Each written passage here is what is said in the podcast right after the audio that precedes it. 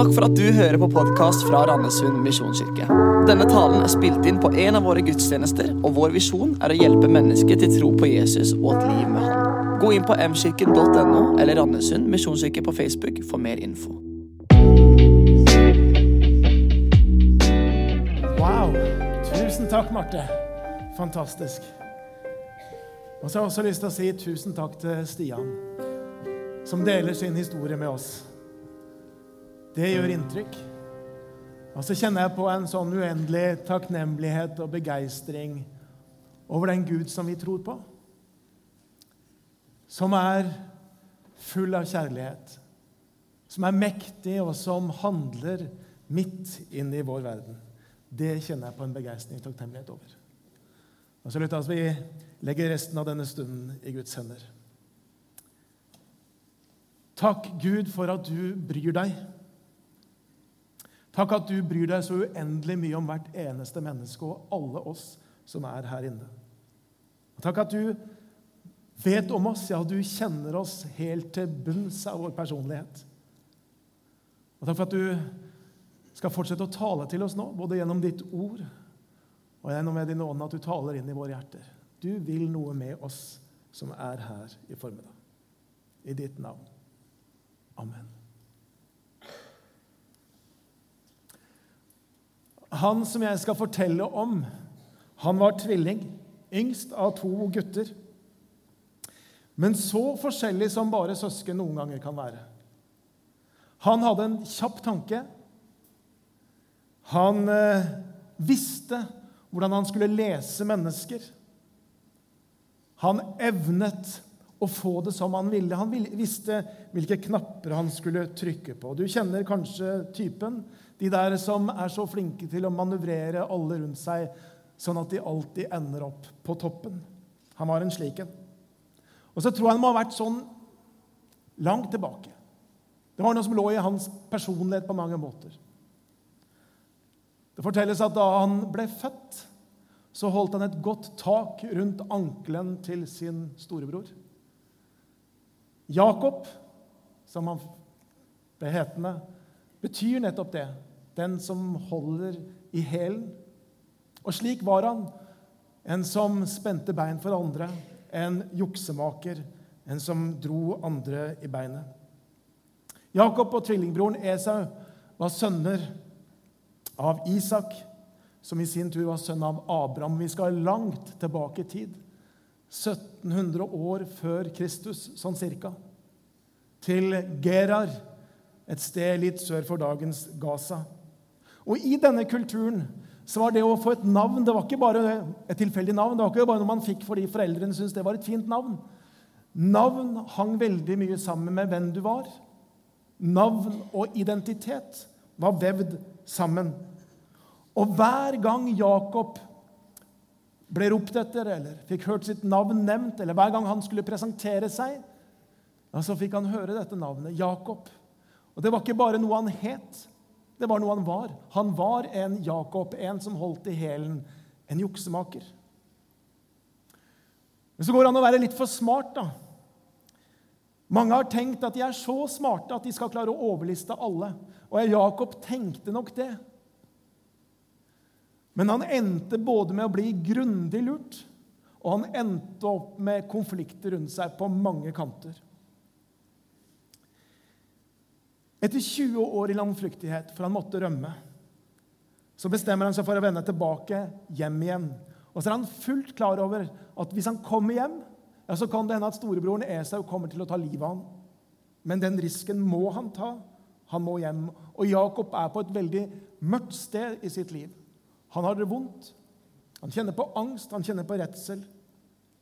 Men en natt der Jakob er på kanskje det laveste punktet i sitt liv, den mørkeste dalen han har erfart, den natten skal forandre alt. Så skal vi lese fra Første Mosebok, kapittel 32, og fra vers 24. Det står der Jakob var alene tilbake. Og en mann kjempet med ham helt til det grydde av dag. Da mannen så at han ikke kunne vinne over ham, ga han Jakob et slag over hofteskålen, så hoften gikk av ledd mens de kjempet. Og han sa, 'Slipp meg, for morgenen gryr'. Men Jakob svarte, 'Jeg slipper deg ikke uten at du velsigner meg.' 'Hva heter du?' spurte mannen. 'Jakob', svarte han.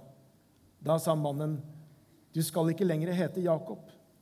Israel skal være navnet ditt, for du har kjempet med Gud og mennesker og vunnet.'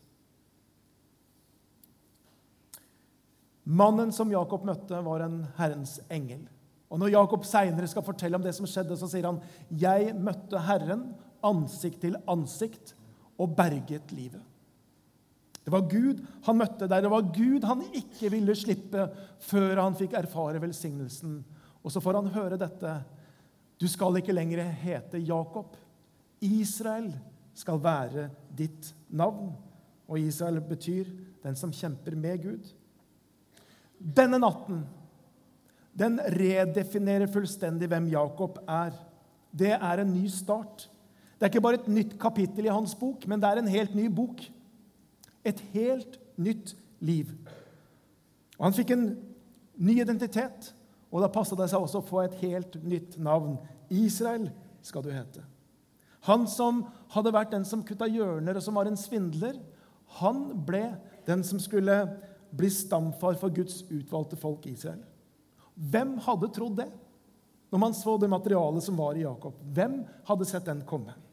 Han som var den store manipulatoren. Han ble en helstøpt gudsmann. Han som hadde vært den som kutta hjørner, han ble hel og sann i sin ferd. Han som hele livet hadde kjempa mot Gud, var den som skulle kjempe med Gud. Han som hadde brukt Gud til kortsiktig vinning. Han ble den som drev avgudsdyrkelse ut av sitt hus og ble helhjerta i sin gudstro. Jakob ble Israel. Et livsforvandlende møte med den levige Gud som redefinerte hans liv, sånn at ikke hans fortid skulle være det som definerte hans framtid. Jakob ble Israel. En annen som erfarte en ny start i sitt liv tusenvis av år seinere, det er Chuck Colson. Han blir omtalt som en av de mest skruppelløse presidentrådgivere som noen gang har vært i Det hvite hus. Og det sier noe, for jeg tenker den konkurransen er ganske hard. Chuck Colson han likte selv, sier han, å bli kalt Richard Nixons hatchet man. Lukemann eller øksemann. Han var den som rydda opp overalt. Og da Watergate-skandalen felte Nixon, så endte da Colson i fengsel, dømt til flere år bak murene, til å betale erstatning og fradømt muligheten til å praktisere som advokat noensinne. Og fra å på en måte være i maktens sentrum i Det hvite hus, med bare en tynn vegg mellom seg og verdens mektigste mann, så sonte han nå i fengsel sammen med helt ordinære, vanlige kriminelle. Chuck Colson beskriver seg sjøl først og fremst som en patriot. En som ønska å bety noe. Han ville gjøre en forskjell. Og så tenkte han at det stedet jeg kan gjøre mest forskjell, det er nær USAs president. Og så kan en jo tenke at når han ender her i fengsel, strippa for all ære, ydmyket, så jeg, kan man tenke da har han jo ikke noen mulighet lenger til å gjøre noe som helst for noen. Men slik skulle det ikke gå. En venn av han hadde nylig blitt kristen. og Han besøkte Chuck i fengsel og leste for han noen avsnitt fra C.S. Lewis' bok 'Se det i øynene'. Og der, mens han satt og hørte denne teksten lest, ja, så skjer det et forvandlende møte med Kristus. Og livet hans blir snudd opp ned.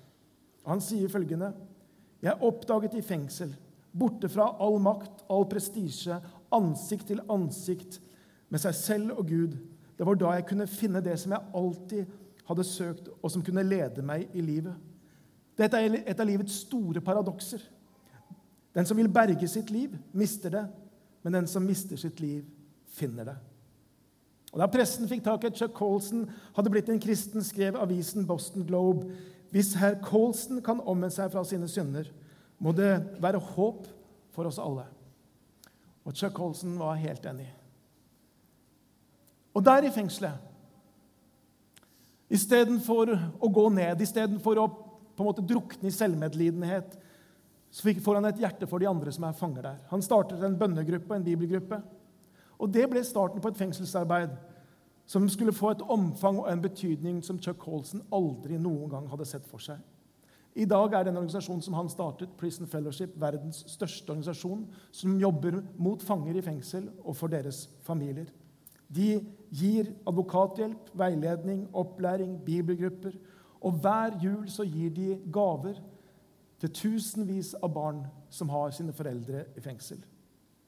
Og Chuck Colson han sier det finnes et annet paradoks. Når du tror at alt er ødelagt, alt er knust, når håp om å bety noe, håp om å kunne gjøre en forskjell, er borte. Og så fortsetter han å si Gud gjorde mye mer ut av mitt ødelagte liv og min svakhet enn jeg noen gang kunne gjøre med all min styrke, evner og påvirkningskraft. Jeg syns historien om Chuck Colson er en vakker historie. Det sier noe om Colson, men det sier enda mer om Gud. Den Gud som vi tror på, og han som ønsker å gi ethvert menneske en ny start. Gud tar oss alltid med en slik vandring fra noe til noe annet. Gud elsker oss som vi er, men han lar oss aldri forbli som den vi var. Han gir oss en ny identitet, og han vil forme oss etter sitt bilde. Og Det er dette Bibelen kaller nåde over nåde. Jesus fører oss fra det stedet hvor enten vi eller andre har definert hvem vi er, og så vil han føre oss dit hvor han kan få lov til å definere våre liv og hvem vi er. Skapt i Guds bilde er sannheten om oss. Lite ringere enn Gud står det om oss. Og så er vi så høyt elsket at Gud ga sin sønn den enbårne for oss, hver eneste av oss. Jeg tenker at vi alle har dette i vår fortid som har kraft til å definere hvem vi er.